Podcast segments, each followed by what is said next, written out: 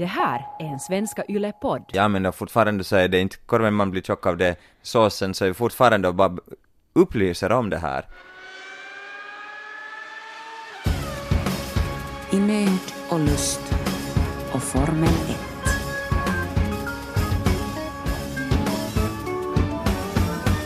Det heter ju att ålder är bara en siffra och man är så gammal som man känner sig och allt sånt där. Mm. Men ehm, jag tycker att nu när jag närmar mig 40 så är min kropp och bara känns som att den är inte 23 mera. Okej, är vi inne i det här medelåldersdiskussionerna nu igen? Ja, där är vi igen. För jag har haft det här, jag fick nackkramp igen den här veckan och fick en liksom glimt, glimt in i, i framtiden hur det kommer att vara att ha styv nacke och inte kunna liksom vrida och vända på sig. Har gamla människor styva nackar? De har styva nackar. Jag trodde det bara var en metafor för, för vad som händer Nej, mellan de, öronen. de har inte rörlighet. Alla åldringar är ju olika, men en väldigt så här typisk, om du ska spela åldring till exempel, som skådespelare, vilket jag har Mm. gjort några gånger, är just att, vara, att man, när du ska vända på dig så vänder du dig med hela övre kroppen, eller hela kroppen om du ska se, vända dig och se någonstans, för du kan inte bara vända på nacken. Men, vet, men vet du vad, alltså om du skulle fortsätta gå med mig på, på hot yoga så kanske det här inte skulle vara ett problem. Kanske. Du har inte varit... Det var jättelänge sedan du var, var på yoga med mig. Ja, men nu behöver du nu inte guilt-trippa mig att det här är mitt fel Jag på något sätt. säga, Som att, men du pratar alltid om det här med att ha en fixed eh, mindset och saker som man eh, säger att man inte kan, kan påverka och, och fast Ja. saker som du ändå skulle kunna förändra. Så det här att "Ja, men nu glider jag in i 40-årsåldern och ja, ja. jag kommer att bli styv och men jag Jag upp- att vissa saker kan man faktiskt göra. Precis, nej men det, det är just det att jag, jag försöker liksom bearbeta det här att, att nu när jag känner mig styv i nacken så får jag eh, ofrånkomligt en, en liksom ålderskris av det också för att är det så här min kropp Mm. kommer att vara nu? Och så har jag stött knä och så är det sådär, nu kommer mitt knä aldrig att leka mer. För efter 40 så slutar kroppen leka, det är ju så. Men, ja, men det där med eh, att ha, ha en fungerande kropp och hälsa, så ja, jag tror inte att man förstår att uppskatta det förrän någonting skiter sig, förrän man sen har, har Ja, har man fattar ont. inte hur underbart det är att inte ha smärta Ja. äh, förrän man har smärta. Men tänker du nu ha en nackspärr resten av livet? Nej, jag tänker verkligen inte ha nackspärr resten av livet, men jag är nojig att jag kommer att ha nackspärr resten, eller liksom lättare få. Får jag bara säga, jag tycker att du är 30 plus. Jag tycker inte att du är 40. Min kompis, när han fyllde 40, så var han på någon checkup och hans läkare sa då, eller läkaren sa då att det där att vet du, du har nog en 30-år, 30-årings kropp.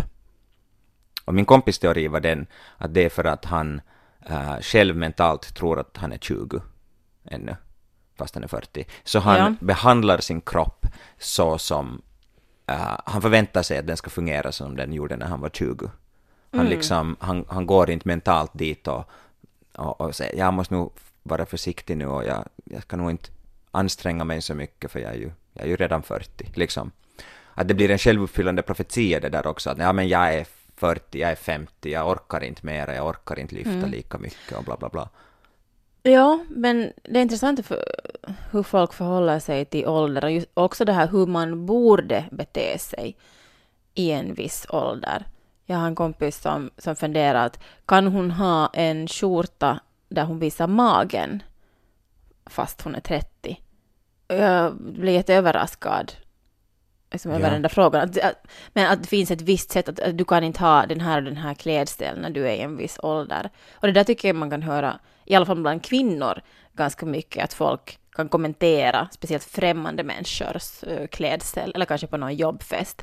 Att där, där går de här liksom medelålders kvinnorna som klär sig som teinin, att det finns en sån här Ja, på något sätt att det, det, det ska man inte göra. Just att det det. är fult och då försöker man vara någonting som man inte är. så det där norma, normativa, det tar, ju, det tar inte vägen någonstans. Liksom, jag menar på högstadiet är det ju ganska liksom extremt redan hur du, måste, hur du ska klä dig. Och, att det finns jätte... Och, och så ska du ha en viss stil. Att okej, om du är bohem chic så då är du bohem chic, eller sen om du går med eh, basketdojor och eller skateskor eller så vidare, så det är en viss look, men du ska i alla fall vara Mm. coolt klädd och det ska vara på ett visst sätt. Men det beror också, jag tror att det beror på alltså de här kategorierna och hur, hur strikt du måste förhålla dig till de här say, kläd och stilkoderna. Det beror, tror jag, på var du är i den sociala hierarkiska rangen. Är du, är du en av de eh, mest populära, så då, då tror jag att du kan skita i det där. Då kan du lite köra din egen stil. Om du är, om du är populär, då, då är det inte lika viktigt att du har eh, filaskor och, och rätt läppglans. Att om du är, men om du blir mobbad, om, om du har det så rokot, så, då, så då, då mm, är det viktigare för dig att, att hålla den här stilen och inte sticka ut. Ja. Men så, med andra ord så, nu när jag på sista tiden har liksom börjat gå med mjukisbyxor överallt, uh, så det är då ett tecken på att jag är socialt uh, högt stående, eller så. Eller är det så att jag bara har slut kommit Alltså, över pass- gränsen att jag inte bryr mig mer? Nå, så pass mycket har jag spelat ålder ändå roll. Jag vet inte om man helt kan applicera högstadietiden till 30 plus sammanhanget i arbetslivet när det Mm. kommer till, till stil.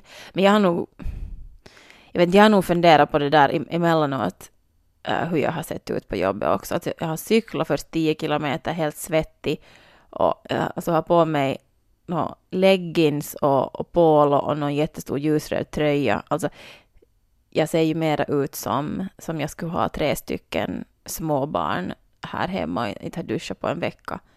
Ja, men då får du dina kollegor att kä- känna sig avslappnade och inte inte behöver prestera så mycket.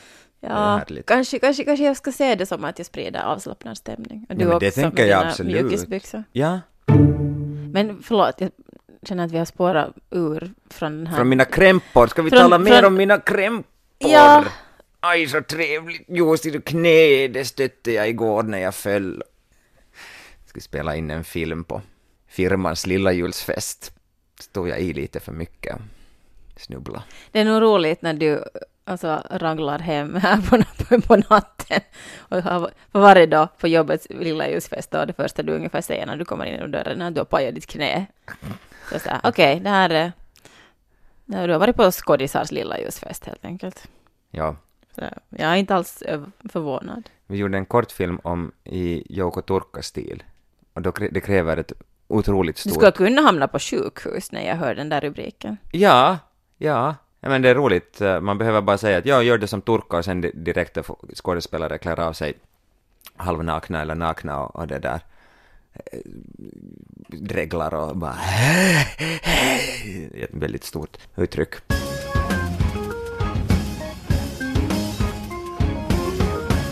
Du vet hur man äh, använder olika djur i olika talesätt? Som att äh, slå två flugor i en smäll eller ta tjuren vid hornen och, och så Det ligger vidare. en hund begraven. Det ligger en hund begraven. Eller- ugglor i ja. mossen. Ja, precis. Ja. Och vissa av de här kan ju vara ganska just um, brutala. Sådär, Ja, just ofta att- dör ju de här ja, de här djuren. djuren dör, ja. Nå, det här är nu eh, den nya det här frontlinjen i kulturkriget om vad som är PK och hur vi ska eh, ta hänsyn till eh, saker.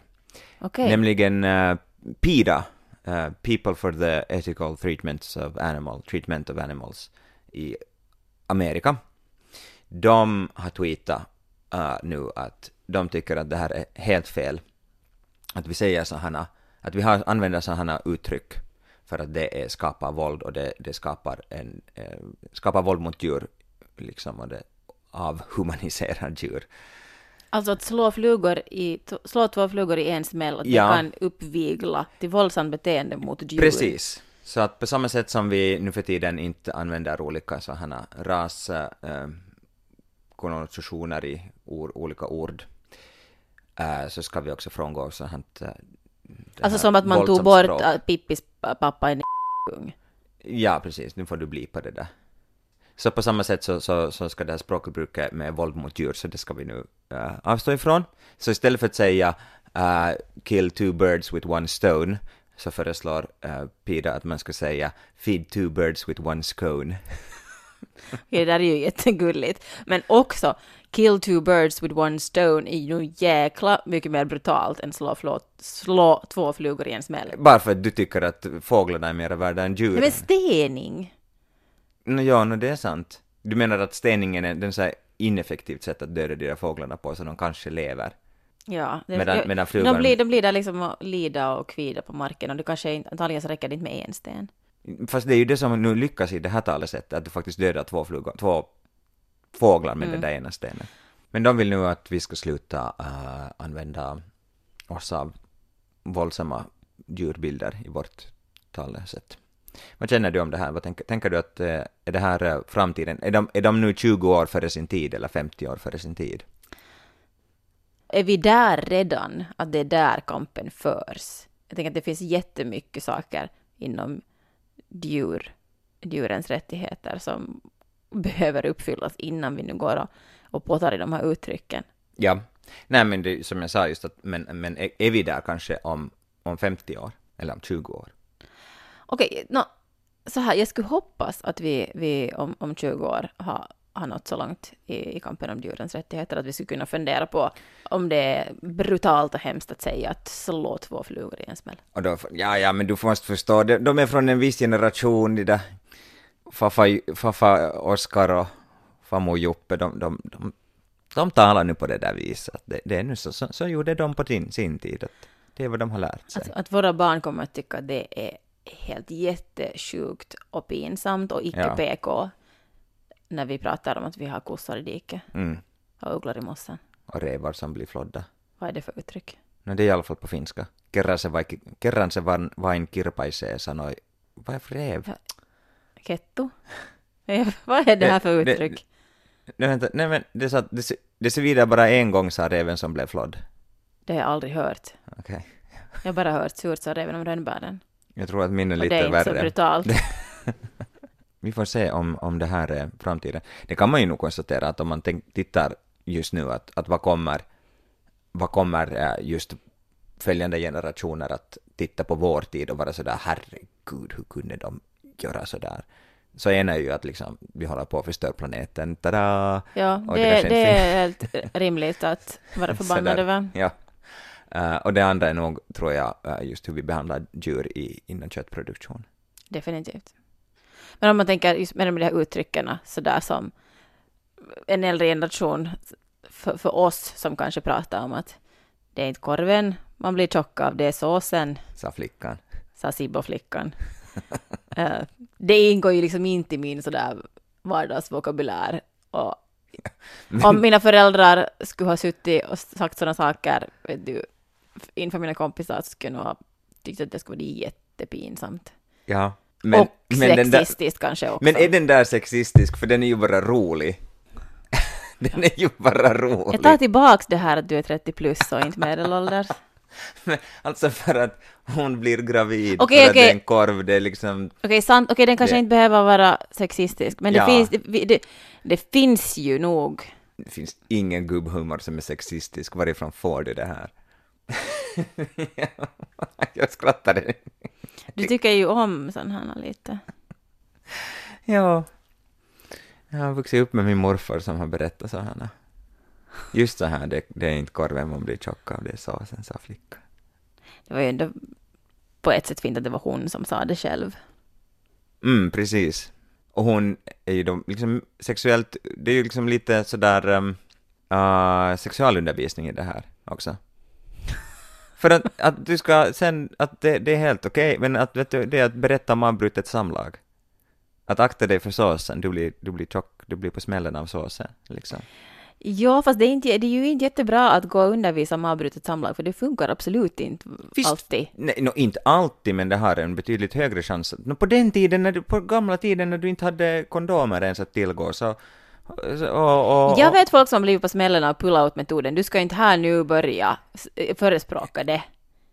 Nej, jag säger inte att det är ett fullständigt skydd, men jag säger att om du lever på landsbygden på 1800-talet och du inte har kondomer att tillgå, så nu är det bättre då att köra, köra det där pull-out-metoden än, än det där, än, än att låta, det, låta såsen... Äh, Oj, oj, oj, hur blev det här? Och dessutom så skyddar det inte för en enda könssjukdom. Nej. Men fortfarande, så du menar, så du är liksom någon sån här puritanist att de ska inte ha sex alls då? Det, man kan, det finns en massa andra sätt att ha sex på eh, än penetrationssex där mannen ska sprida sin sås. Ja, men jag menar just det att han behöver inte sprida sin sås. Ja, men det kan komma lite sås innan, innan den Så de får- fulla soppan får är de färdig. Får de här stackars pigan och, och drängen nu inte alls ha liksom Men det är ju du som är konservativ för du förespråkar bara så här jättetraditionellt kuken i fittan sex här. Det finns en massa andra saker man kan göra. det är klart att de får göra allt det där andra också. Inte säger jag det. Ja, och då, det kan de göra utan att överhuvudtaget vara rädd för en graviditet. Nej, ja, ja, men då fortfarande så är det inte korven man blir tjock av det, såsen, så är det fortfarande att bara upplyser om det här. Att det där, akta dig för såsen om du, om du det här inte vill bli gravid. Ja, akta dig, akta dig för såsen. Det kan jag, det kan jag skriva under. Vad är det där för blick? Har inte det någon blick? Har jag berättat vad vi kallar den här, den här eh, metoden för i gymnasiet? Avbrutet samlag? Ja, Nej. Pasilassa pois. Ja, ja. Att man inte Det- åker ända till Helsingfors järnvägsstation utan man stiger av i Böle. Vi har ju inte riktigt börjat julpynta ännu. När, när är tiden när man, vad, vad är liksom, när får man börja julpynta? när som helst, sen när du har feeling. Okej. Jag struntar, jag blankar fan i några sådana regler. September. Nå, om, man nu, om man nu vill.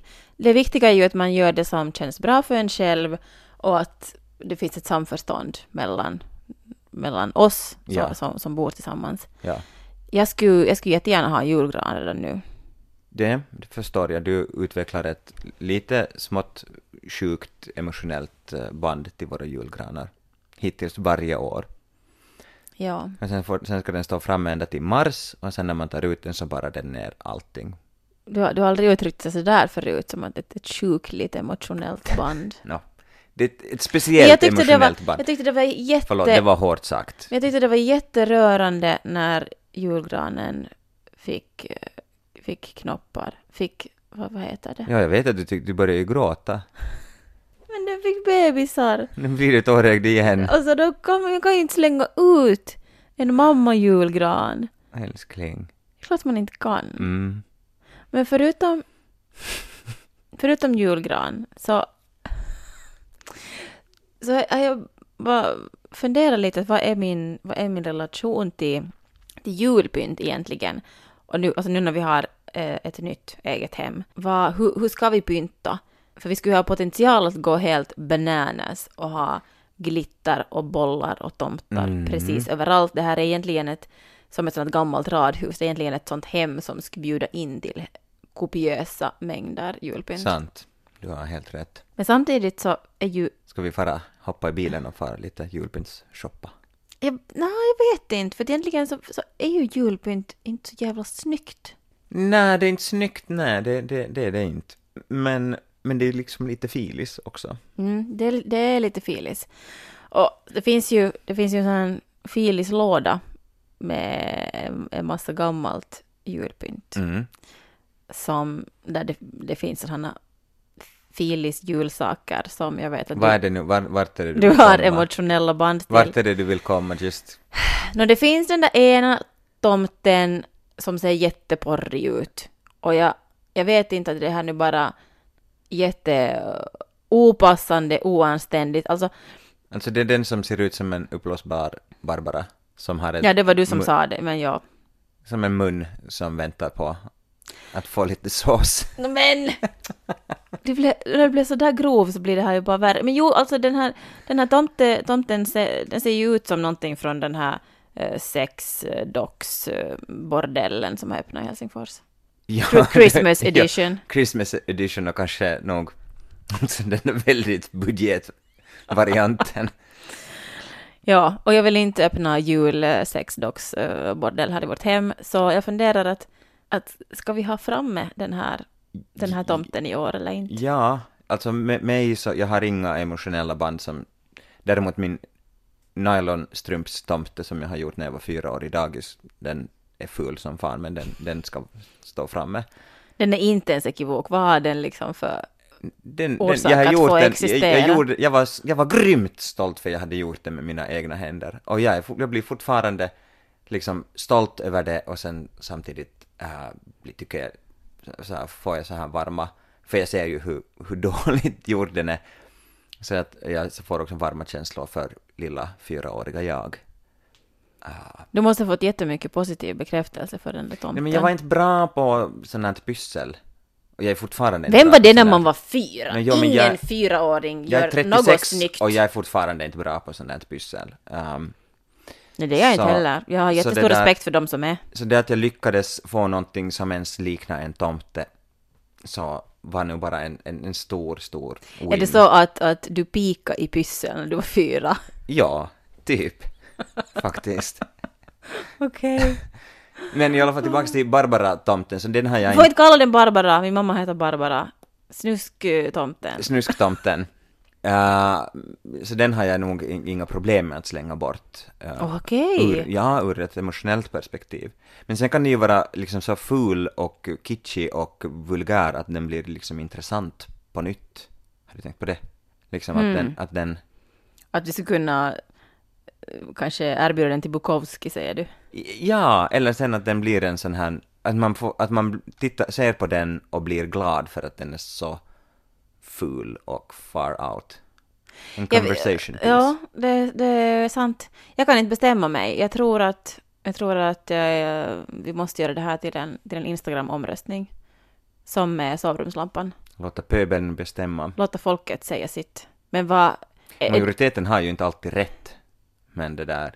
Men absolut, vi kan, vi kan eh, konsultativ Mm. omröstning. En riktgivande, rådgivande omröstning, omröstning här. Ska, ska porrtomten få vara med den här julen eller inte? Ja, Eller ska vi sälja hen till Bukowski?